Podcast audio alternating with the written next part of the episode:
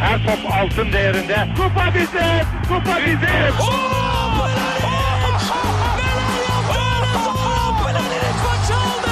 Dengeli de attı. İsabetine buldu. Magna Fontervi. Zora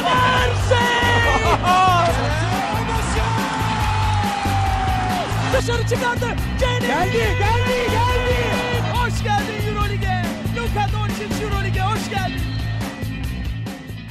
İkili Oyun'un 96. bölümüne hoş geldiniz. Ben Serkan Mutlu. Mikrofonun diğer ucunda güzel dostlarım Ali Aktin ve Tancan Fümen var. Ne haber beyler? Selamlar. Ne haber abi? Ne olsun ya? Ne yapıyorsunuz görüşmeyle? İşte Euroleague falan öyle hazırlık maçları. Ben ben bir de bütün Lakers'ın hazırlık maçlarını izledim manyak gibi. Ha, geçmiş olsun Merak kardeşim. Sağ ol kardeşim. Nasıl buldun meme takımını?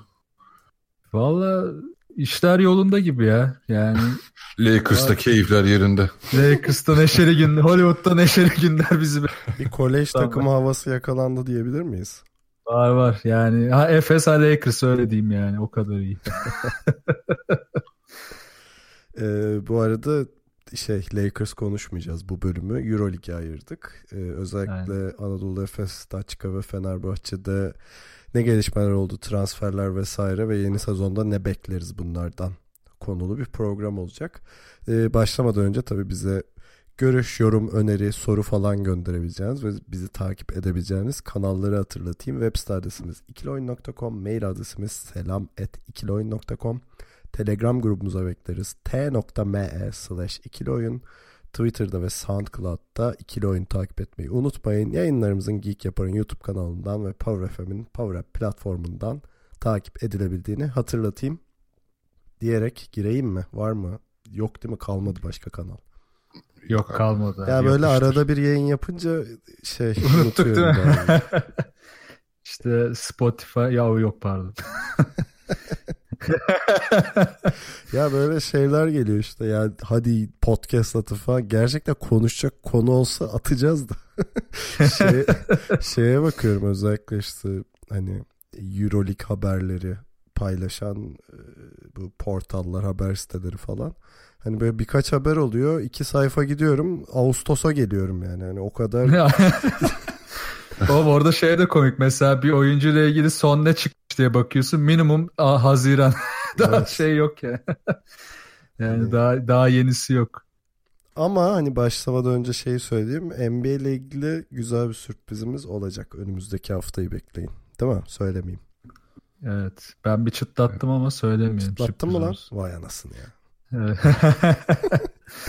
Neyse Tanca 30 kişilik kapalı bir ortamda söylemiş. çok çok gizli bir ortamda bahsettim. Ha, okey. Biraz adam vardı galiba ama şu an hatırlamıyorum kaç kişi vardı. Ee, peki başlamadan e, Tan Aa, onu da söyleyeyim. Tanca'nın Twitch'ini takip etmeyi lütfen unutmayın. Twitch.tv slash Tancan değil mi? Doğru. Tancan.me falan diye böyle uzatıyormuşum. evet aynen. Dirty Boy 82. Twitch.tv Gelin Dota oynuyoruz falan. Yok. Normal basketbol analizleri yapıyoruz. Güzel oluyor beklerim. Tanca oyun oynuyor muydun sen Twitch'te? Oyni oynayacağım abi de şu benim ev ortamında şimdi mini bir PC'de yapıyorum. Bir bilgisayar çözmem lazım. Ev ortamı daha sonra. geniş bir halay çekecekmiş değil mi oyun oynuyor? Abi e- ev bir artı bir. Nargile Televizyona koyacak bağlı yeri falan. yok çocuğun. Gamepad'i koyacak yer bulamadım abi. Yapacak bir şey yok.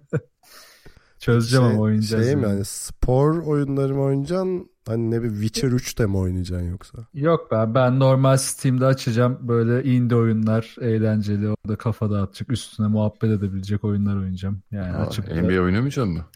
NBA oynamayacağım yani. Tüh. Abi NBA çok vakit alıyor. Bir de onunla NBA izlemek bana şey gelmiyor. Mesela FIFA çok daha zevkli izlemesi. Abi kesinlikle aynı fikirdeyim. Yani biraz tuhaf gelecek belki dinleyenler ama bence şundan oluyor abi o. NBA'in Basketbol Oyunu- sıkıcı bir spor yani o yüzden. Yok abi mekanik olarak oyuna yansıtmak çok zor bence ya basketbol. O yüzden sıkıyor bir noktada. Çok yapay duruyor ama futbol öyle değil FIFA.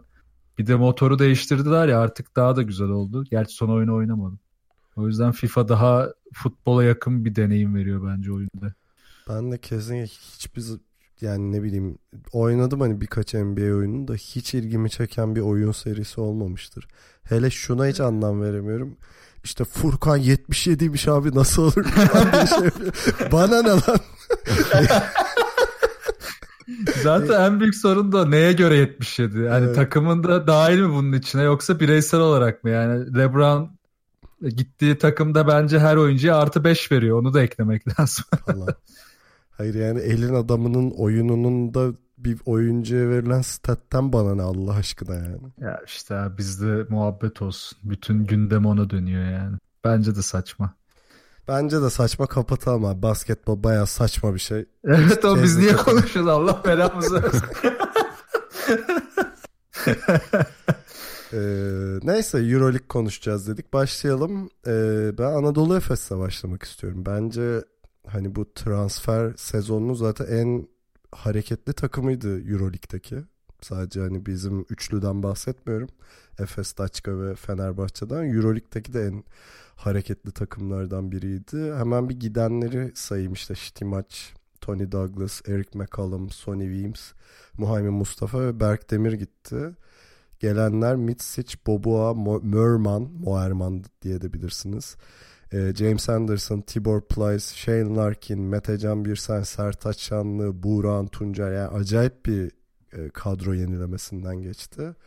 Ve bir anda Eurolig'in en esnek her şeyi yapabilecek kadrolarından birine sahip oldular. Ee, hani ne yapar diye sormadan şunu da altını çizeyim. Hani memlekette kur baskısının bu kadar yüksek olduğu bir dönemde bu yatırımı yapabilme olmaları takdire şayan diye düşünüyorum. Ee, katılıyor musunuz diye sorayım. Sonra da yeni sezonunu konuşalım.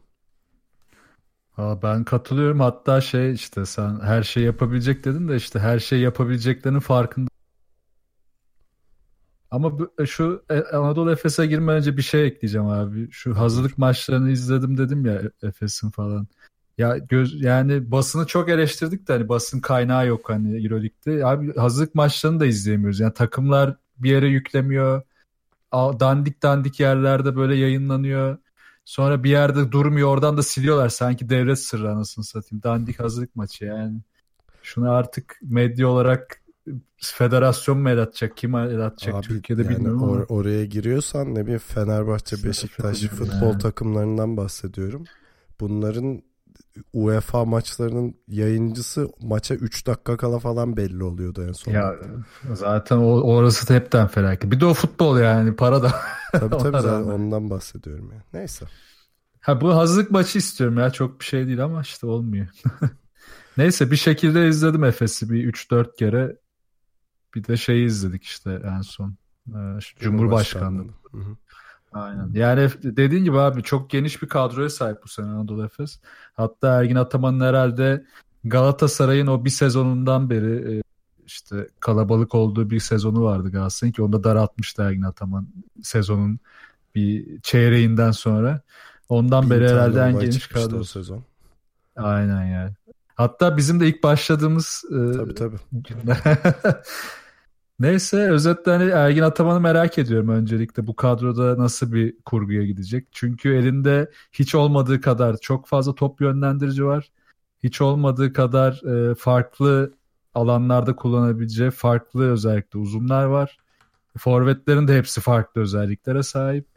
Yani bunların hepsini nasıl bir rotasyona sokacak? E, hazırlık maçlarında zaten en çok da bunu denediğini gördüm. Bu aslında iyi bir işaret. Hani bir şeye takılmamış ve devamlı farklı rotasyonları farklı oyuncularla deneye deneye bulmaya çalışıyordu.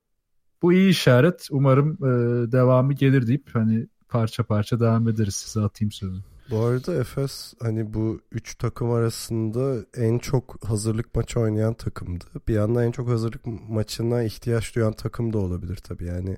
Çünkü ana iskeleti tamamen değişti. Özellikle hani Eric McCollum ve Sonny Weems'ten bahsediyorum. Ee, yer yerde şiti maç belki de.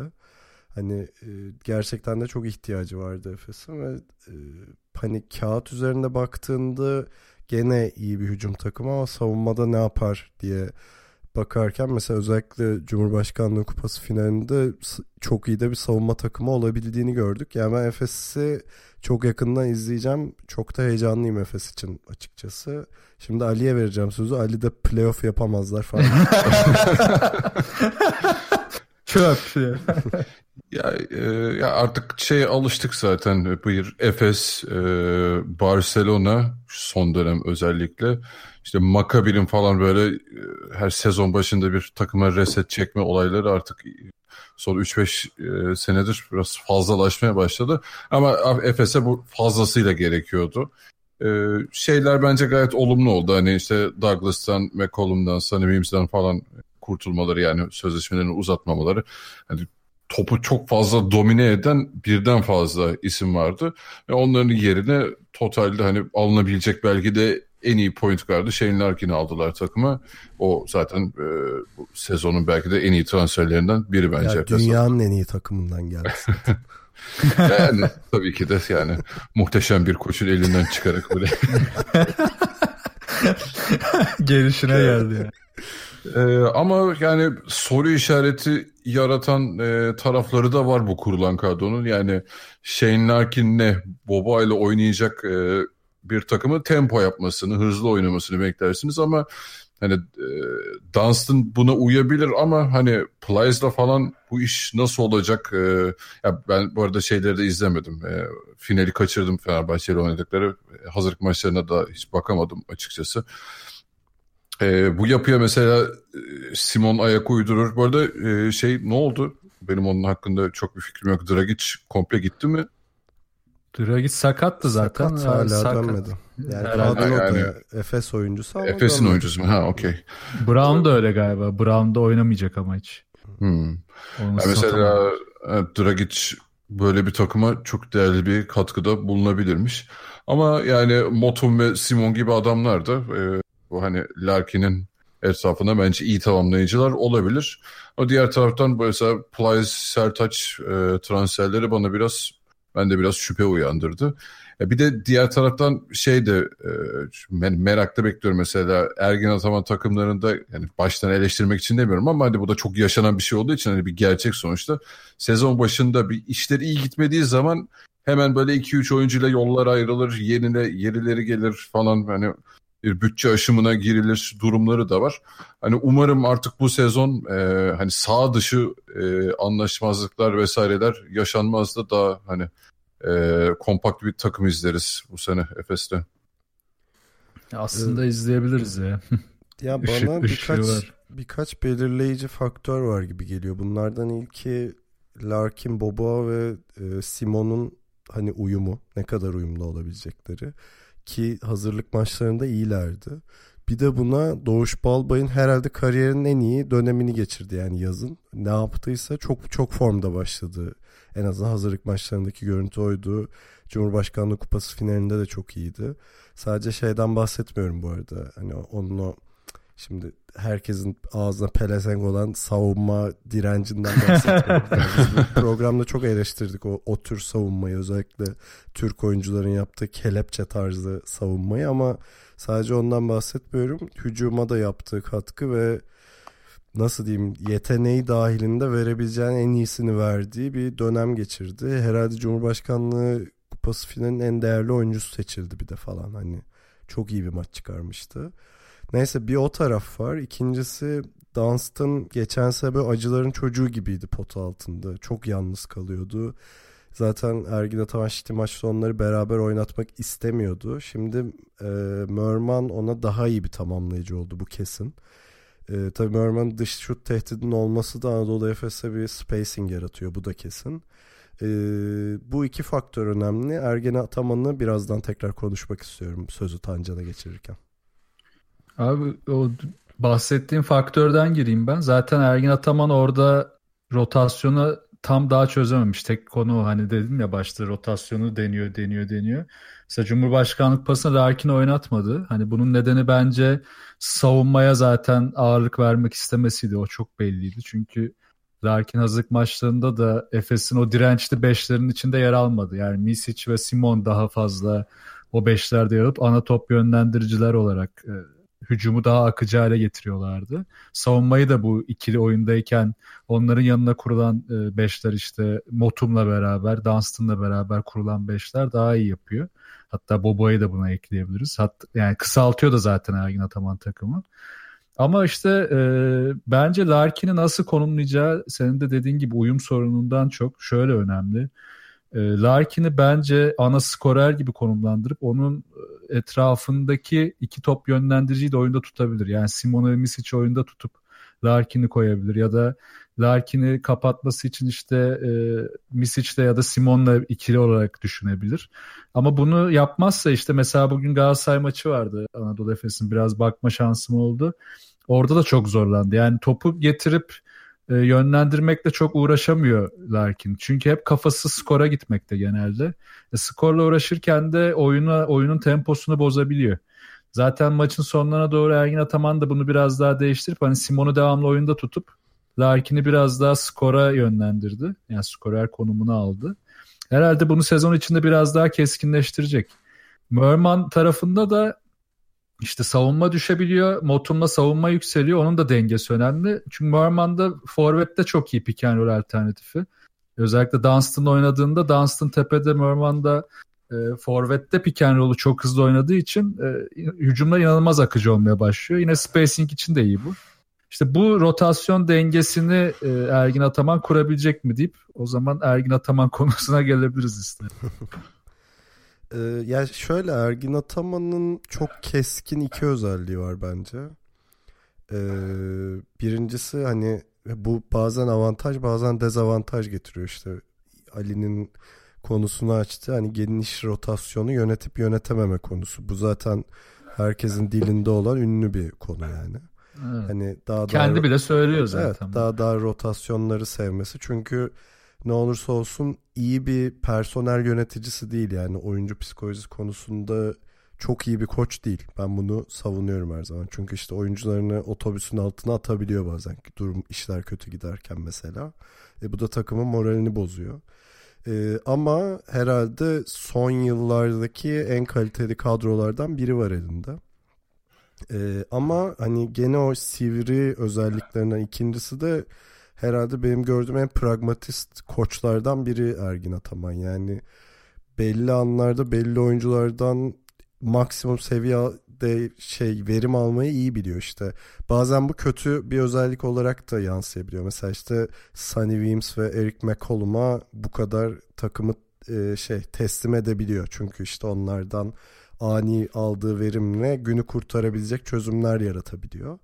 Ee, ama bazen de hani böyle planlı senenin başından itibaren işin içinde olduğu dönemlerde daha iyiye doğru bir hani yönelimi de olabiliyor bu özelliğin. Hani biraz iki ucu boklu değnek gibi bir şey bahsettiğim şey. Abi bir de... Ee, gerçekten şey teslim edeceğim sözü hani biraz Ergin Ataman'ın nasıl yöneteceği konusuna göre de değişecek bir şey ama ortada iyi bir yemek yapmak için bir bütün malzeme var yani Efes'te. Gerçekten de baktığında tek tek. Ha bu arada Türkiye Ligi ile ilgili de bahsetmek lazım. Bence hani şey yabancı kuralı da değişti.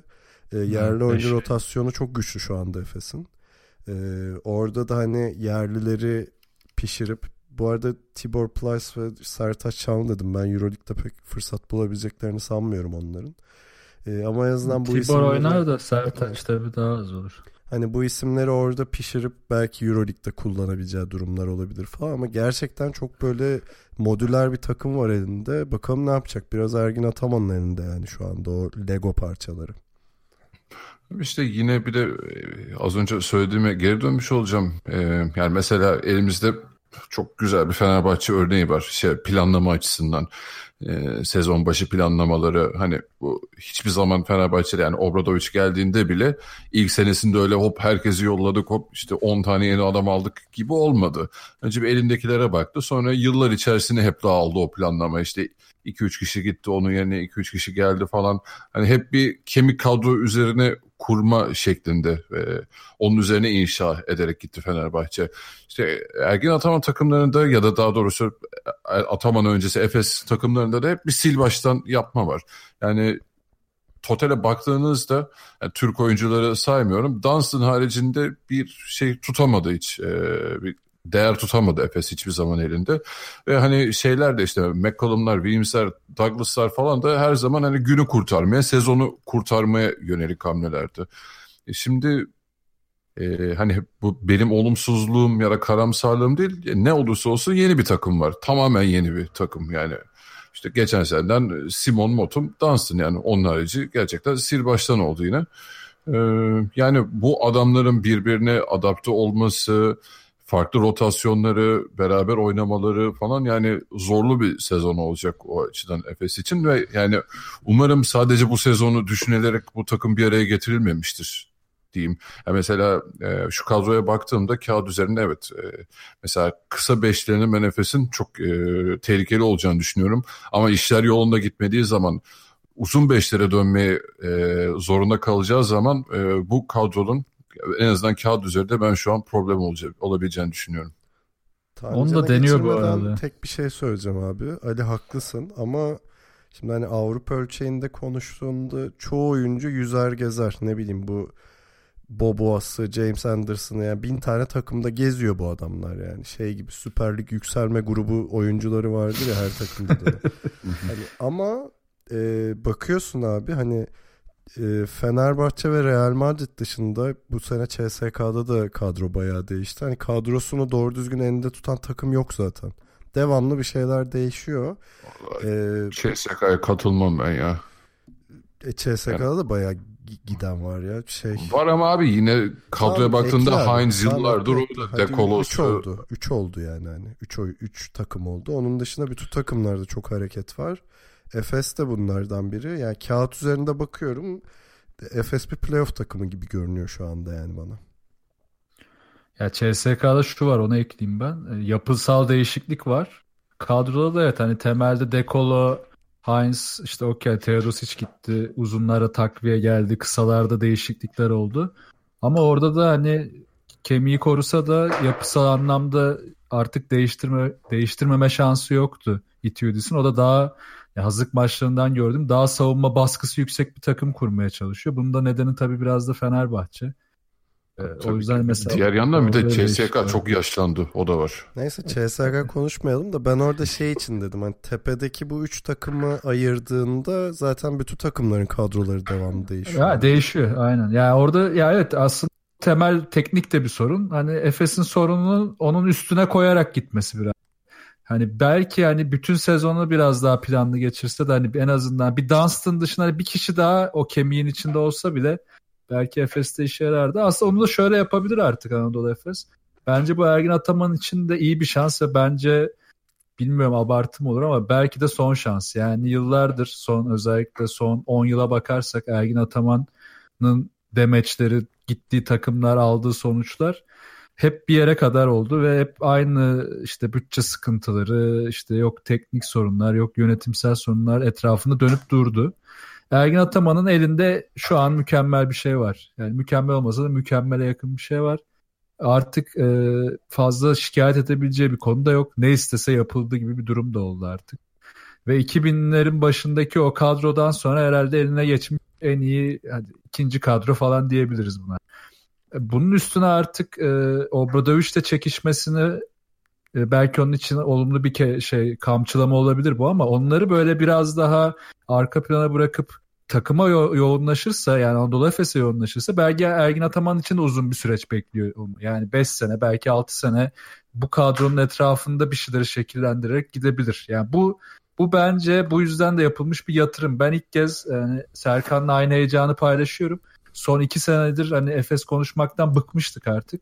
İlk kez ben de bu yüzden heyecanlıyım. Yani gerçekten iyi bir gidişat olabilecek bir şey var. Umarım çarçur etmezler. Ee, yani Ergin Ataman'a da burada gerçekten büyük yük düşüyor. Artık e, Simon onun saha içi lideri konumunda. Onunla e, yapacağı şeyler çok kritik. İşte Misic'le anlaşabilirse onu takımda tutup uzun yıllar faydalanabilir. E, Larkin muhtemelen hani çok uzun süre olmaz Efes'te ama onu da yani Larkin gibi oyuncular da işte değişken oyuncular olsun. Yani o gitsin başkası gelsin. İşte o gitsin Mike James gelsin ne bileyim. Yani bu tip oyuncuları da Anadolu Efes yapısıyla çekebilecek hale gelirse 3-4 sene içerisinde yani Fenerbahçe kadar istikrarlı olmasa en azından playoff'a kalan, istikrar playoff'a kalan bir takım olur. Bu da bize seyir zevki olarak geri döner. Ya ben şöyle bir şey ekleyebilirim. Hani Ergin Ataman'ın üzerinde o baskı olacaktır. Yani yönetim şey diyebilir ya tamam acayip kadro istedin kurduk para yatırdık. E hadi diyebilir yani. Şimdi e, Euroleague'de Final Four Türkiye'de şampiyonluk. Yani bundan aşağısı Efes yönetiminde kesmeyebilir. Ki haksız da değiller yani baktığımda. Hadi Final Four değil de playoff diyelim buna. Ee, onun altı ya da ne bileyim Türkiye'de final oynasın falan. Onun altı gerçekten kesmeyecektir ve bunu sağlaması lazım. Tabii Ergin Ataman böyle challenge'ları da sever o da ayrı yani. Evet, sever. O yüzden de ben biraz umutluyum. Ki bu sene içinde hani takımlara şöyle genel bak hani 8'i zorlamamak için hiçbir ihtimal yok. Hatta o 8'in içinde yukarıya ne kadar yukarı çıkarabilirse o kadar iyi. Hı hı. Ekleyeceğiniz bir şey yoksa alfabetik sırayla gidip e, Darüşşafaka'ya geçeceğim. Geçelim abi. Yok abi. Ben de, ben de kalmadı. tamam. Bittik, tükendik. Bittik. Zaten sezon başlasın şeylere hani teknik daha teknik konulara gireriz yavaş yavaş. Takımlar çünkü daha oturuyor. Çok da anlatacak bir şey yok. Ee, Darüşşafaka hani geçtiğimiz senelere kıyasla bir sürü oyuncusunu kaybetti. Özellikle ilk 5 oyuncusunu. Yerine aldığı oyuncu da yani sayayım önce işte Will Beck'in, Jajuan Johnson, James Bell, Will Cummings, Howard Santros ve Furkan gitti. Ama asıl David Blatt gitti tabii. Evet ya o kötü oldu. Yer, yerlerine gelenler Ray McCallum, e, Markel Brown, John Dibbler, Jeremy Evans, e, Zanis Piners diye okunuyor sanırım. E, Berk Demir ve koç olarak da bizim şehrimizden transfer Ahmet Çakı. Ee, yani şimdi şeye bakıyorsun hani açıkçası hazırlık maçlarını izlemedim Darüşşafaka'nın. Ama kağıt ben üzerinde baktığımda e, bariz bir downgrade yani seviye olarak öyle diyebilirim. E, evet John Dibbler çok iyi şutör ama geçtiğimiz senelerde ciddi sakatlık problemleri yaşadı. Bir de orada beni heyecanlandıran tabii Zanis Piners var. E, onu da şey milli takımından tanıyoruz Letonya'nın. Böyle 1-3 arası oynayabilen heyecan verici bir adam. E bir de Ahmet Çakı var. O da hani risk almayı seven bir koç. Hani ama baktığında hani bu seviyelere yani Euroleague seviyesinde yetersiz bir kadro gibi duruyor. Katılıyor musunuz diye soracağım. Ya ben kadroya zaten bir hazırlık maçı baştaki serzenişimi Darüşşafaka yani o, tekrarlarını bulmak çok zor. Hatta Türkiye'deki turnuvaların bile tekrarını bulamam. Tek maçı Efes'te maçlarını izledim. Yani takım zaten şu anda şey yani Euroleague'de bir şekilde kapağı atayım da ben de kendimi göstereyim bu sezon e, bir şeyler yaparsak seneye bir takıma daha zıplarım oradan oyuncularından kurulmuş durumda biraz. Yani tam olarak bu yapı var. Darüşşafaka'nın çünkü devam etmeyeceği de malum duruyor şu anda. Türkiye'nin tabii kontenjanı ne olacak şu an bir şey diyemiyorum ama e, şey Euro Cup'tan geldiği için muhtemelen seneye devam etmeyeceğini düşünerek oyuncular da bu sene ne gösterebilirsek kendimizi gösterelim diye kapağı atmış gibiler. E, takımda da zaten buna paralel olarak böyle bir uyum e, cartürt hiçbir şey yok. Yani herhangi bir oyun planı oturmuş durumda değil. Oyuncular birbirini tanımıyor. Hazık maçında çok dağınıklardı. Ama Ahmet Çakı'nın kafasında tabii o e, Ivkovic'den aldığı Efes'teki bir yapı var. Tamamen işte tempolu, baskılı savunma yaratıp devamlı hızlı hücum bulmaya çalışan ki zaten Darüşşafaka'nın da e, Euroleague'de kendine şans yaratması için yapabileceği tek şey bu. Yani sette falan uğraşabilecek bir takım da değil elindeki kadro. Çok fazla şut bulup çok fazla hareket edip çok fazla işte savunma baskısı yaratmaları gerekiyor.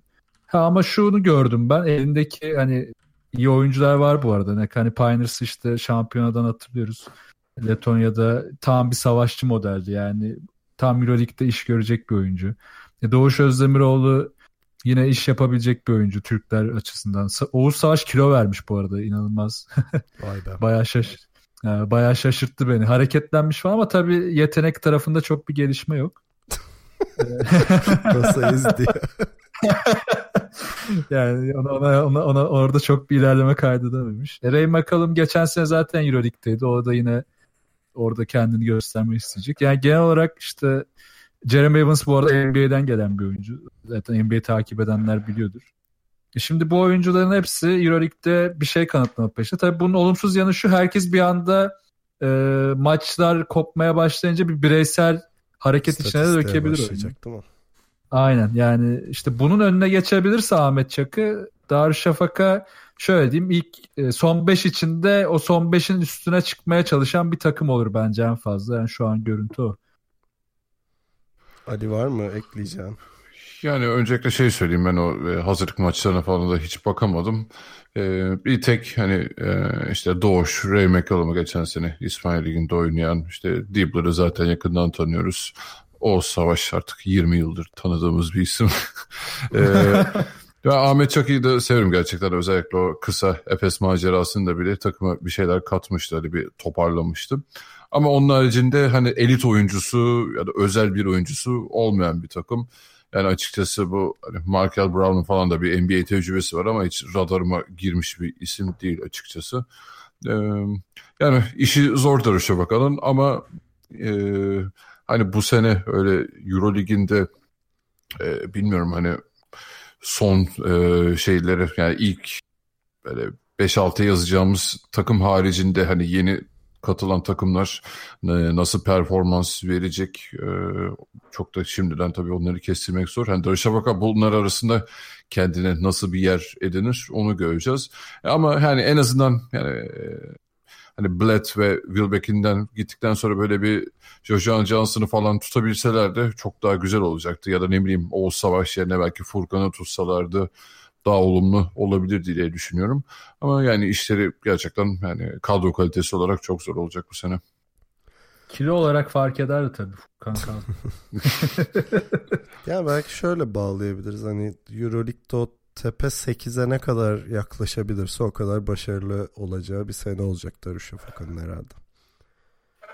Yani daha ya o bile en, üst seviye kalır yani ben o yüzden son 5 diyorum. Tamam işte o son 5'in ne kadar üstte zaten aynı şey. Ha işte. ya 8'e yaklaşması ya 9-10 olabilir. Ya zaten yani 12... 9-10 olsa süper olur öyle değil mi? Tabii hocam efsane olur. İnanılmaz olur. Ama sonuncu da olmasın işte derdimiz o. İnanılmaz bir sezon geçirip playoff'a kalıyorlarmış değil mi? De hepimiz göt oluyormuş. Sonra bu, bu programın yayınları Darüşşafaka şey soyunma odasında dinletilecek. ya böyle işte bir yandan da üzücü ya. iki sene önce neydi? Evet. Bütün projenin çöp olması falan üzücü bir yandan. Ee, kısa bir ara verelim o zaman. Fenerbahçe ile devam edeceğiz.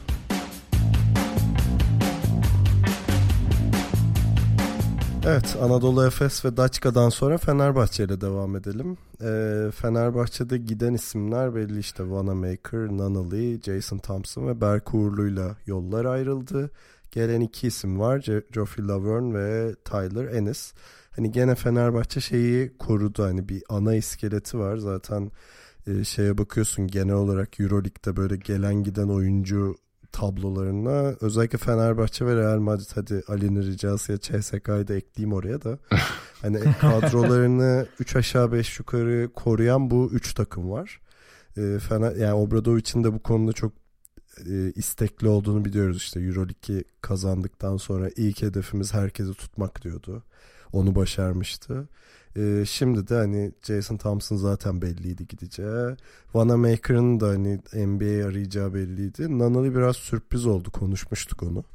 Ee, evet. Tabii ben Nunnally için çok sevindim NBA yapabilmiş olmasına. Yani nereden nereye geldi adam. Hani isimsiz bir basketbolcudan e, yani ne kadar süre bulur bilinmez ama en azından Bir dakika oynadı geçen.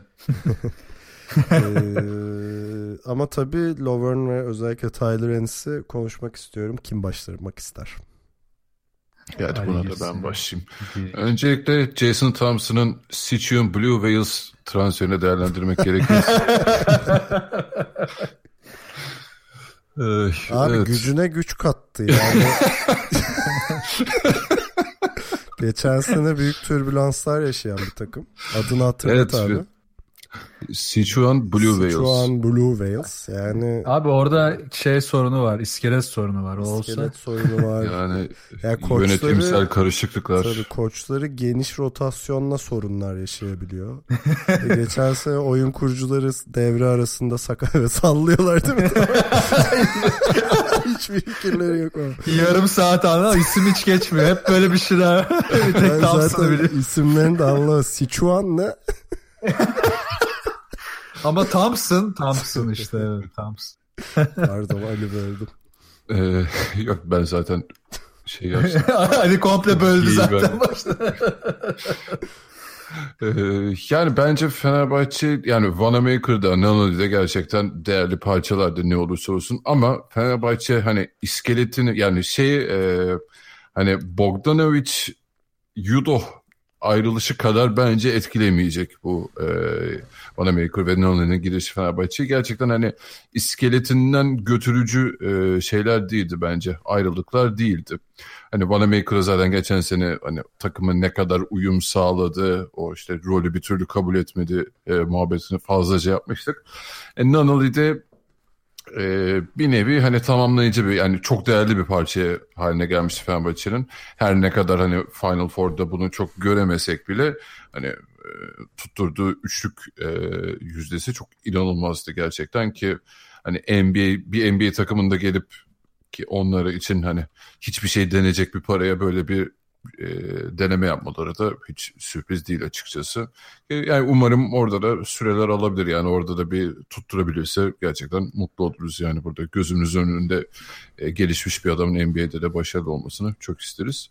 Ulan Ee, Nanalı'ya kaç program şeyin Fenerbahçe'nin Clay Thompson'ı falan dedik. Nasıl sattın adamı ya? Yok, ben kalmasını isterdim açıkçası yani şey öyle. Sat- tabii önemsiz bir parçaydı. Gitmesi iyi oldu. Öyle Yok canım iyi oldu demem kesinlikle yani. Keşke kalsaydı. Final Four'da oynamadı ya doğru düzgün ondan öyle. Hemen bak sattı. Büyük maçların adamı değil abi. Kayboluyor. Ali sen bir Kaybol. skor yorumcusu musun? Evet e, yakında Beyaz TV'de başlıyorum.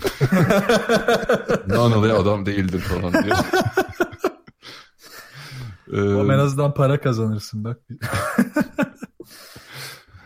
ya, e, şey ya en iyisi biraz daha fazla tartışacağız gibi duruyor şu yeni transferler arasında ama bence Lovern e, yani nasıl desem şimdi Yudo Fenerbahçe'de hani 10 üzerinden 9'luk bir katkı veriyorsa Fenerbahçe'ye değer olarak bence Lovern de hani Obradovic'le o e, uyum sürecini tamamladıktan sonra 9 olmasa bile 10 üzerinden 8'lik bir adam haline gelecek gibi hissediyorum ben Fenerbahçe'de. Yani e, zaten Avrupa'yı e, Euroligi bilen bir adam. E, NBA'de Popovic'le çalışmış biri ki hani hazırlık maçlarında tam hazır e, yani bir görüntü vermese bile potansiyelini bence iyi gösterdi. Özellikle hücumda. E, yani Fenerbahçe'nin bence geçen sene hani o Jason Thompson'la dolduramadığı boşluğu ben çok fazla üzerine koyacağını düşünüyorum. E, diğer taraftan da Tyler Ennis hani hazırlık maçlarında biraz hani delicilik, skorerlik anlamında biraz kıpırdansa bile hani hiç hazır değil. O yüzden hatta e, orada işte hani lig maçlarında falan da kadroya bile almamış. Bu sene şeyi daha fazla göreceğiz gibime geliyor ben Sinan Güler'i. Hatta geçen sene Vanamaker gelmeseydi Sinan, e, gerçi o da çok formda değildi geçen sene ama e, o bir sürpriz olmuştu. Hani Fenerbahçe'de e, hani Vanamaker geçen sene de biliyorsunuz şey, NBA'yi kovalıyordu. Son anda oldu gibi oldu e, Evet. gelişi. O yüzden e, Sinan'ı geçen sene hiç görememiştik. Bu sene bence özellikle ligde zaten bir de bu e, az önce söylediğiniz gibi yabancı e, sınırının da biraz daha inmesiyle bu sene Sinan'ı biraz daha fazla görebiliriz. E, Tyler Ennis'in de daha fazla şey olacaktır. E, bir alışma süreci olacaktır. Lovern gibi hani Avrupa bilgisi falan da yok buraya uyum sağlaması uzun sürecek. Yani onun haricinde evet e, Sulukas'ın önderliğinde bir Fenerbahçe izleyeceğiz bu sene herhalde tamamen. Katılıyor musun Tancan? Özellikle Lovern ve Tyler Ennis yorumlarına. Ya Tyler Ennis'in hiç alışmadığı, ya daha doğrusu Avrupa'ya alışmış değil. Yani hazır olmaktan çok onu da e, o drive'larından sonra üst üste yedi 4-5 blokta herhalde anlamışızdır. Yani Avrupalı oyuncuların ne olduğunu, kimin ne yaptığını, e, savunmada hangi takımın kimi nasıl savunduğunu falan hiçbir fikri yok. Muhtemelen onunla ilgili de bayağı bir video seans e, yapılıyordur Fenerbahçe'de. E, biraz da Avrupa'ya işte hazır olmadığı için Türkiye'ye de hiç hazır değildi. İşte bu süreç bana şey hatırlattı. Enis'in bu durumu, Lover'nin de işte daha alışmaya çalışması eskiden yani NBA'in üstüne tekrar gelmesi ki eskiden en azından Avrupa tecrübesi olan bir oyuncu. İki sene önceki Fenerbahçe açılışını hatırlatıyor. Yani o daha sorunlu başlayan e, biraz daha işte takım oturup da işte o e, yükleme dönemlerinden kurtulup kendine gelene kadar bayağı bir zorlanmıştı. Ki artık şunu da var yani atlamayalım. Obradovic de sezonu eskisi gibi erken açıp e, eskisi kadar yüklenmiyor off season'da da. Oyuncuların artık biraz daha kendi e, rahat alanları olmasına izin veriyorlar. Bu da biraz daha yavaş başlangıçlara neden oluyor. Ama hani oradaki en büyük sorun işte Vanamaker'ın getirdiği deliciliğin geçen sene e, Fenerbahçe'nin tıkandığı her anda o dericilik ve artı Datome'nin kendi şutunu yaratması Fenerbahçe'yi kurtarmıştı. Bu sene bunlar olmayacak üstüne de işte Enis'in bu rolü ne kadar yapacağı konusu da hala hani şu hazırlık maçında bir şey göstermediği için soru işareti oldu. E, Nanıl da gitti. Dış şutlarda da o geçen senenin yüzleri Fenerbahçe'sini görebilecek miyiz? Orada da soru işareti var. E peki bu bunların hepsi neyi işaret ediyor? Bence Guduric'i işaret ediyor. Yani Guduric giden her oyuncudan bir parça alıp yapmak zorunda bu sezon sahada. Yani artık zorunda diyorum çünkü onun tavanıyla falan ilgilenmemeli Fenerbahçe. Artık Guduric'in sahaya e, her zamankinden daha fazla şey koyması lazım. Bunları koyarken de işte geçmiş yıllarda e, Nunnally'nin, Vanamaker'ın işte e, giden başka kim oldu? Başka kimse olmadı. Bogdan tamam, iki kişi. mı diyeceksin? Yani. Ha, Bogdan aynen pardon. Bogdan'ın yani bunların yaptığı her şeyi yapamaz ama yaptıklarından her bir parçayı küçük bir parça oyununu etkileyebilir. Bu da Fenerbahçe için çok önemli. Çünkü kısa rotasyon için de önemli. Ve ligde zaten yabancı kısıtlaması var ki Sinan e, Beşiktaş maçında hiç fena oynamadı. Ligde Sinan'la bir yere kadar gidebilirler ama Dixon çok yaşlandı. Sinan da öyle. İkisini de Euroligi kaldırabilecek durum yok. E, Sulukas'a bir şey olsa Fenerbahçe bayağı bir risk almış durumda kalacak. O yüzden de Guduric yine önemli. Burada da cevap Guduric. İşte yani Enis kendini gösterip toparlayana kadar Fenerbahçe'nin e, eski oyuncularının ne vereceği ve takımı ne kadar süre işte tutup e, sezon başını iyi bir şekilde geçireceği çok kritik. Lovern tarafında da e, orada da hani reboundçı olması önemli ama çok ilginç bir şekilde Fenerbahçe en büyük sorunu reboundlarda yaşadı hazırlık maçlarında. Savunmada da yaşadı. Yani iki tarafta da takım savunmasına çok büyük uyumsuzluk var. Biraz da hani yazın getirdiği rehavet de var belki. Herkeste bir uyku hali vardı da. Lovern'ı ben hani hücum tarafında o yüzden biraz daha değerlendireceğim. Savunmayı e, daha öğreneceğini düşündüğüm için. Hücum tarafında da forvetteki and çok başarılı olacak bence Fener'de. Özellikle Kalinic'le beraber. ikisinin beraber o forvetteki oyunları oynayıp özellikle e, top alamadıklarından alamadıktan sonra dipten yapacakları katlar falan Fenerbahçe'ye baya bir katkı getirecek. Ki geçen sezon bunda çok zorlanıyorlardı. Obradoviç de çok kızıyordu molalarda. İşte yani bu iki oyuncunun e, getirecekleri aslında Kalinic'ten şu yüzden bahsediyorum. O da biraz transfer gibi oldu. Geçen sezon düşünürsek büyük bir kısmını oynamadı. Sonra geldi form tutamadı. Son artık Final Four'a doğru biraz daha bir şeyler gösterdi. E, Dixon da aynı şekilde. E, onlar da artık ekstralarını verecekler bu sene. E, Dixon'ın bence performans çok ekstra olacak. Ben ondan çok düzenli bir şey beklemiyorum. Ama Fenerbahçe için hani e, biraz yavaş bir sezon açılışı olacak gibi geliyor. Şu hazırlık maçlarının gösterdiği. Yalnız Tancan'cığım Dixon o lafları yedirebilir bence. Çok biliyorsun sever öyle challenge'ları Dixon. Çok da şey Abi, yapmayalım bence. çıksın bir maç alsın ben ona okeyim de 30 maçı nasıl yapacağız o sorun. Yok canım ama yine ben o e, Joker katkısını verir diye düşünüyorum ben Dixon. Onu verir onu verir aynen onu verir onda sorun Benim notlarda Guduric çok kritik diye yazmışım hani ekran görüntüsünü atayım isterseniz. Tancan'la orada aynı fikirdeyim. Ee, gerçekten Guduric yani Guduric ve Ahmet aslında bu ikisinin vereceği katkı çok önemli bu sefer Fenerbahçe için. Yani geçtiğimiz sene işte Jason Thompson'dan alamadığı verimin yükü e, Veseli ve Melli'ye binmişti. E, bu sene orada Lovern var. Ben Lovern'e çok güveniyorum. Çok da e, iyi bir dönem geçireceğini düşünüyorum Fenerbahçe'de. Yani iki ana beklenti var orada. Sertlik getirmesi takıma birincisi. Çünkü çok yumuşak kalabiliyor Fenerbahçe biliyorsunuz. İkincisi de rebound. Ee, gerçekten hazırlık maçlarında rebound sorunu devam ediyordu ama orada alışacağını düşünüyorum. Çünkü oyun aklı çok yüksek olan bir isim Lovern ve e, ne olursa olsun gerek işte Euroleague geçmişi ve Fransa milli takımı geçmişiyle Avrupa basketbolunu da biliyor.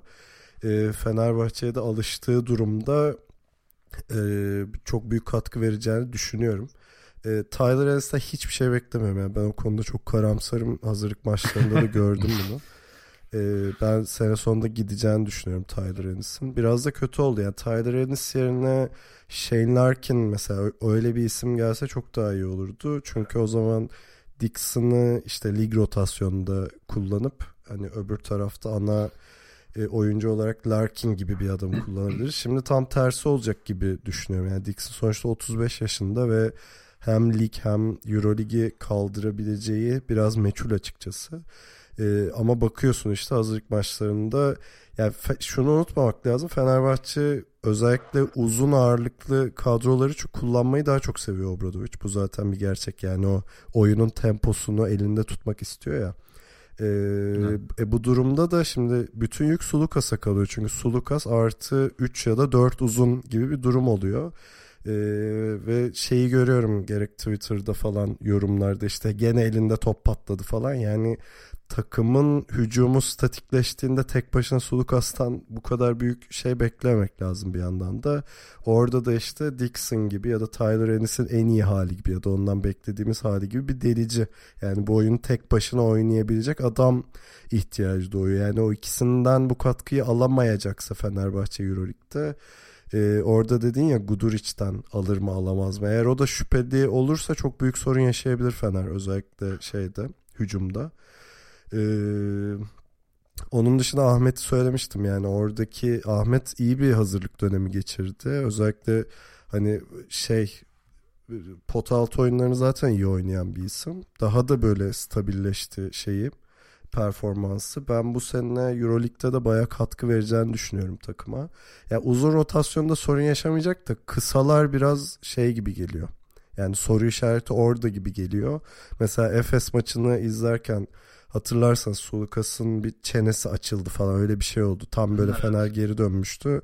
Sulukas'a bir buçuk dakika pansuman yapıldı. Tak tekrar 5-6 sayıya çıktı fark. Yani orada çok büyük fark oluyor Sulukas'lı Fener, Sulukas'sız Fener arasında. Yani bunu Euroleague kaldırmaz. Yani Fener orada çok zorlanır eğer hani o Guduric, Dixon, Enis üçlüsünden biri oyuna giremezse açıkçası. Peki şeyi sorayım bir de Guduric'i o pozisyonda bu sene daha çok görebilir miyiz? Mesela hani e, çaresiz kaldığında ya da deneme amaçlı Fenerbahçe Nanılı e, Obradovic orada deniyordu. Yani top getirici olarak. Bu sene belki Guduric'e e, o anlamda da daha fazla e, yük verir mi sizce? Daha Zaten fazla sorun. Ya görmemiz lazım. Ben onu düşünüyorum. Başka türlü çıkışı yok Fener'in yani. Geçen sene veriyordu ya. Yani bu sene de verir. Yani, işte daha fazla artabilir önemli. gibi gibime geliyor. Hani Guduric o rolü vermesi. Ya şöyle bir durum var. Aslında arttırması da gerekecek zaten. Hani diyelim Sulukas'ta sakatlanabilirdi ki zaten yaşamadığımız şey değil sezon içinde. Dönem dönem sakatlanıp kısa da uzun da kaçırdığı dönemler olmuştu. Bir de Obradovic şunu deniyor. Hazırlık maçlarında onu gördüm. Biraz böyle beşleri bölmeye başlamış bu sene. Hani uzun beşle o içerideki yoğun e, potaya yakın, çembere yakın sayı yükünü e, korurken bir de üç kısaya döndüğü yani Melih, e, Enis ve Sulukas'ın sağda olduğu bazen Dixon oldu bazen Sinan'ın olduğu beşler denedi. Bunlarda daha böyle işte şuta dayalı daha dışarıda Datome de dahil olursa bunu Datome'yi de dörde çekip hatta Melih'i de orada da kullanıyor. Bunları da daha böyle şutör 5 gibi biraz daha 4 dışarıda gibi oynattığı iki farklı 5 yapısı denedi.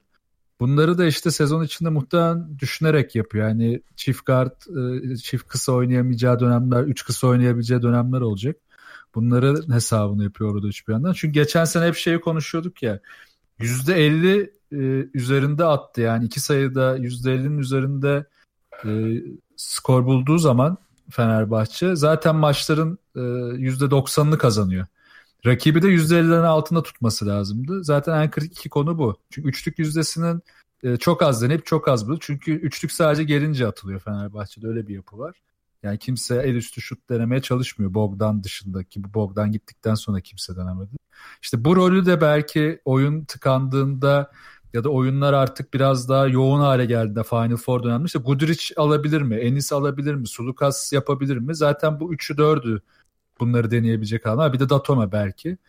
Onlar dışında zaten kimse deneyemeyecek. Ama Fenerbahçe'nin işte o Sulukas oyundayken ve Sulukas yokken ki durumu Serkan orada çok doğru bir tespit yaptı. Sulukas'a bir şey olursa, Sulukas oyunda olmazsa da Sulukas sıçarsa ne olacak? Şu an onun cevabını pek göremiyoruz Fenerbahçe'de. Bunun cevabı Guduric olabilir. E, Enis kendini gösterirse o olabilir şu anki görüntüde. Ee, bir de tabii anmak lazım. Yani Fenerbahçe'nin sahadaki doğal lideri Sulukas bu kesin ama mental olarak yükün bir büyük bir kısmı da Melli'de olacak. Yani Melli, herhalde kariyerinin en olgun sezonlarından birini yaşayacak diye öngörüyorum ben. Hem yaş olarak hem de işte geçmişiyle bugünü kıyasladığımızda hani Melli'nin o istikrarına ve her an ne bileyim pozitif katkı verebilecek potansiyeline çok daha ihtiyacı olacak. Zaten hazırlık maçlarında da bunu gösterdi Melli yani bence önümüzdeki senenin doğal bir NBA yolcusu gibi görünüyor. Evet o da istiyor zaten. Bir de Fenerbahçe'de hani o e, Sulukas'ın elinde top patlaması durumunda hani Melli'nin orada verdiği katkı inanılmaz. Geçen sene hem playofflarda hem yani normal sezonda da fazlaca vermişti. Hani zor pozisyonları bitirmede inanılmaz bir seviyeye geldi Melli. Umarım bu sene üzerine de ekler onu yani. İşte hatta Kalinic de yazabilsek keşke. iki sene önceki Kalinic olursa bu sene o da güzel olabilir. Melli'nin yanında bir de onu yazsak. Evet yani o playoff vitesine geçebilirse Kalinic biraz daha erken çok önemli yani. Zaten Kalinic'i kaç kere övdük bu yayınlarda. Çok joker bir isim Fenerbahçe için. Ee, Kalinic de şey belirleyici faktörlerden biri olur herhalde. Ee, peki o zaman şeyi sorayım artık size yani Efes, Daçka ve Fenerbahçe'yi konuştuk. Bu üçü dışında hangi takımları takip edeceksiniz ve neden? Yani kısa kısa şunu takip edeceğim çünkü bu falan gibisinden bir listeniz var mı? Ee, benim var. Olympiakos, Bled. Bled'in bir de Olympiakos böyle güzel enerjik bir takım kurmuş. Ee, merak ediyorum ne yapacaklar. Bled ne yapacak çok merak ediyorum. Maccabi'yi takip edeceğim. Will Beck'in de beraber e, bir de Tarık Blay'ı getirdiler NBA'den. Hı hı. Maccabi de böyle e, uzun bir aradan sonra biraz daha eli yüzü toplu bir hale gelir mi onu merak ediyorum. Ya bu iki takım ilk radarıma girenler. Onun dışında bir de Real'i merak ediyorum. Hani diyeceğin neyini merak ediyorsun? Doncic'ten sonra aynen nasıl olacaklar? Bir de Lul geçen sene hiç oynamadı. Bu sene ne yapacak? Onu merak Lul ediyorum. son virajda gelmişti ve iyi katkı veriyordu zaten. Bence evet. orada çok yani o departmanda çok sorun yaşamazlar gibi düşünüyorum ben. İşte oyunları değişecek mi? Daha nasıl bakacak? Ha, bir de hani CSK da çok bildiğimiz bir takım ama hazırlık maçlarında çok yüksek seviyelerde savunma değişiklikleri gördüm. Onu nasıl uygulayabilecekler sezonda onu da merak ediyorum. Yani savunmaları nasıl olacak? CSK şey yorumu ekleyeyim Ali'ye geçirmeden sözü. Ee, yani yanlış anlaşılmasın diye. ee, yani Itudis'in üzerine çok büyük baskı olacağını düşünüyorum. Yani e, bir sene daha ne bileyim finalsiz ya da kupasız şey geçiremez bence Avrupa'da CSK. Ee, eğer yani geçtiğimiz seneki gibi bir sene geçirirlerse Itudis'in son senesi olur diye düşünüyorum. Olabilir katılıyorum buna. Ali senin var mı? Özel olarak şunu takip edeceğim dediğin takımlar. Vallahi benim de Vanamaker'lı Boston. Ee, Olympiakos yani Tancan'ın da ilk söylediği gibi yani Bled'de Olympiakos ne yapacak çok merak ediyorum açıkçası bu sene. Ee, ben Panathinaikos'un da ilginç işlere imza atacağını düşünüyorum açıkçası bu sene. Yani e, mesela işte Kenny Gabriel'dan çıktılar. Singleton'dan Mike James gitti. Onlarda da bir de bu ekstra şeylerden kurtuldular. İşte Denman Payne, Casey Rivers e, falan gibi isimlerden de ben kurtuldular diyorum açıkçası. Ee, yani çok acayip bir savunma takımı olacakmış hissiyatı var bende Panathinaikos'un. Hani Lazime, Gist, işte kenardan Antetokounmpo, işte yani Langford'la nasıl bir yapı oluşturacaklar orası ilginç. hani nasıl işte Kalates Langford işte Papa Petru e, yani Gis Lazme beşi var. Yani bu takım yani e, Lazmi pardon Langford'un etrafında çok e, ciddi bir savunma takımı olup topu ona mı bırakacaklar gibi bir e, beklentim var. Yani soru işaretim var. Onları merakla bekliyorum. E, onun haricinde şey e, yani Baskonya kısmen e, kadroyu korudu onlar da. Yeni takımlara hiç girmiyorum açıkçası. Hani bunun Costa, Grand Canaria'sı falan onları biraz izlemek istiyorum önce. E, onun haricinde Armani işte Mike James'le bir şey yapabilecek mi acaba? Onlar da biliyorsunuz her sene bir e, sil baştan durumu e, fazlasıyla var. Ha ben bir de Barcelona'da ne olacak merak ediyorum açıkçası. Hani Pangoslu ve Singleton'lı Barcelona'da bir merak etmiyor değilim. Ya benim başta Milano var. Onlar kadroyu tamamen yeniledi neredeyse. Bir de Theodor ve Gadulak gibi hani topu elinde isteyen ve domine eden ve maalesef asla tepeye oynayamayacak e, tarzda adamlardan kurtuldular. Onun yerine işte Nedovic, Mike James e, bir de Jeff Brooks gibi güzel ekler yaptılar. E, hani orada yani tepeye oynarlar mı ne yaparlar bilmiyorum da merak ettiğim takımlardan biri oldu. Ee, e tabi şey Maccabi'yi merak ediyorum. Wilbeck'in işte Tarik Black ve Johnny O'Brien var orada bir de. Ee, ne yapacak ama özellikle Wilbeck ve Tarik Black'i merak ediyorum açıkçası. Barcelona hani gene çok bir şey beklentim yok. O da merakta. Yani Koponen, Sanders, Navarro, Merman, Vezenkov hani bu adamların hepsi gitti. Baya beşleri değişti neredeyse e, Pangos ve Singleton geldi oraya. Yani değerli takviyeler bunlar. Toparlanırlar mı? Çünkü onlarda bir de ciddi bir moral motivasyon baskısı da var. Yani seyirci çok etkileyebiliyor takımın şeyini. Hem iyi anlamda hem kötü anlamda. Ee, bir de elbette Kaunas. Yani onlar da Mitsic, Tupan ve Pangos gitti. Ama işte Westerman yuvaya döndü. Bir de çevresinde de böyle genç bir nüve kurdular. Yani çok tanımadığımız adamlar. Ama tek tek böyle baktım merak edip istatistiklerine bayağı da yüksekler yani. E, Jasikevicius'un öyle adamları motive etme özelliğini biliyoruz. E tabi onların en büyük transferi aslında Jasikevicius'u takımda tutmuş olmaları bir yandan. Hani bu Kesin. dört takıma yani bizim üçlünün dışında bir dikkat edeceğim açıkçası. Güzel bu sene güzel sezon olacak gibi geliyor bana. Eğlencesi. Doncic gitti ama böyle çok net bir hani e, Dekolo işte Lul hmm, hani Larkin'i sayabilir miyiz bilmiyorum. Böyle inanılmaz keskin çok üst yani aa bu sene NBA kesin gidip o şey yapacak gibi bir yıldız da yok. Bu ikisinin dışında. E, ilginç bir sezon olacak bence. Çok yakında gidebilir bazı şeyler. Burada bir anlam veremediğim bir iki transferde oldu. Mesela Anadolu Efes'in Plyce transferi gibi CSK'da da Daniel Hackett. Yani çok soru işareti bence. Ee, şeyden e, merak yaratan bir şey var. Real Madrid'de Prepel için transferi. Hmm. Ee, bu sene Kuzmic geri dönecek biliyorsunuz. Geçen sene hiç oynamamıştı o da. Menisküs müydü merak... onun şeyi ya? Ee, detayını hatırlamıyorum ama sezon başında bir sakatlandı direkt gitti o yani evet. hiç oynamadı. Yani bu sene yani bitti mi on bilmiyorum açıkçası biraz kafadan salladım hani kadro da hala ama oynayacak mı iyileşti mi hiç bilmiyorum. Valla ben de bakmadım. Ne yalan söyleyeyim. Peki Kuzmiç'i hiçbirimiz sallamamışız. ee, bitirirken iki ufak haberle bitirelim. Birincisi semtin haşarı çocuğu e, Giannakopoulos Euroleague yönetimi barıştı gibi duruyor. Yani geçen sene böyle atarlar giderler çıkıyoruz başka ligde oynayacağız bilmem ne de oynayacağız falan. Oradan döndüler. Hatta 2020 Final Four'unun Atina'da yapılma görüşmeleri falan varmış. Baya kanka olmuşlar yani. Euroleague'in en büyük destekçisi diyebilir miyiz kendisi için?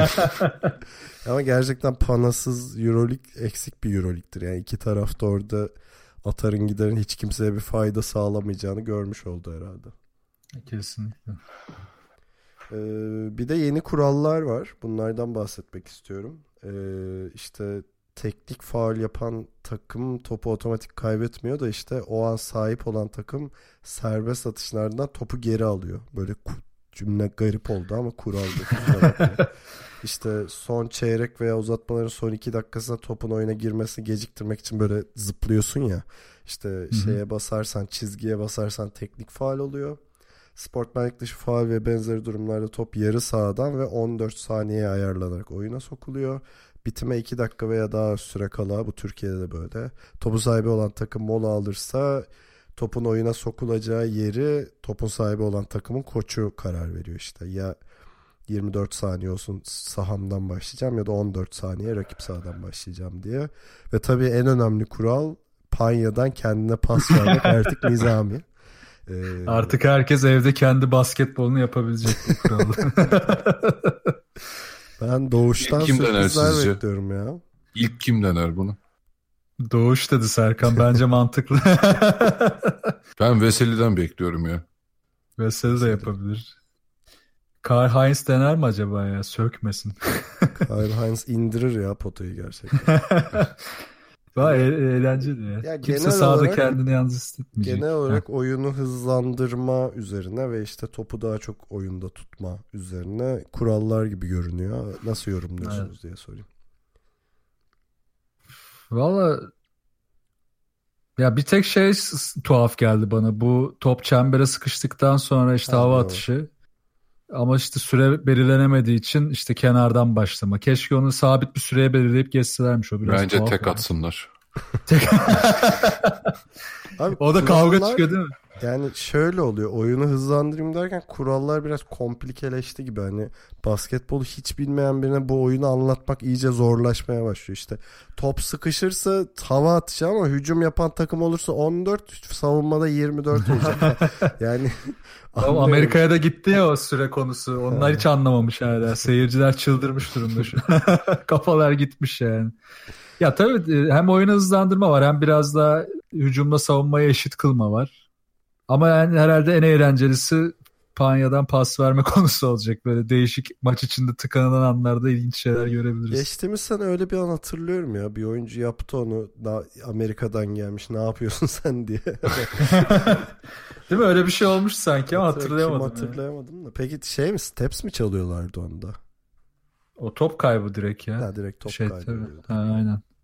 Saçma yani şey yapamıyorsun. Öyle bir, bir de kimdi ya biri of, kim lan unuttum kendi kendine mola almıştı oyuncu. Ha, o bir klasik ya o hep olur. NBA'den gelen şey yapar yani. Herkes ne yapıyorsun kardeşim? Oğlum onu getirseler var ya Obradoviç her maç birini döve.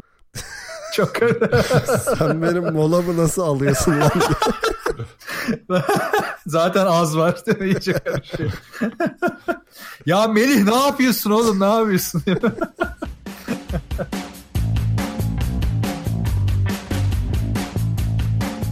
Evet bir saati geçirmişiz tebrik ederim. Gördüğünüz üzere basketbol ve özellikle Avrupa basketbolu konuşmayı özlemişiz gibi duruyor.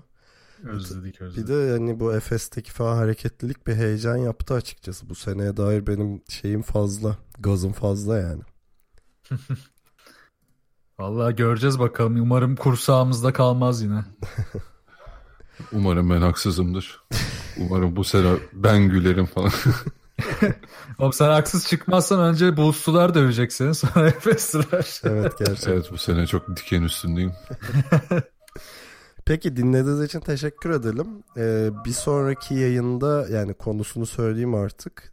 Ee, NBA takımlarının yeni sezonda ne yaparlar ederler konulu. Ee, hani tek tek takımlara baktığımız altı buçuk saat sürecek bir yayın yapacağım. şey vardı Haluk Levent konserleri 48 saat sürüyor. Guinness Rekorlar kitabına girecek. Yaparız ee, bir şeyler ya. Ee, olacak. Hemen bize görüş, yorum, öneri, soru falan yetebileceğiniz kanallarımızı hatırlatayım. Web site adresimiz ikilioyun.com, mail adresimiz selam et ikilioyun.com, telegram grubumuza bekleriz t.me slash ikilioyun adresinde. Twitter ve SoundCloud'da ikilioyun takip etmeyi unutmayın. Yayınlarımızın Geek Yapar'ın YouTube kanalından ve Power FM'in Power App platformundan takip edilebildiğini hatırlatayım.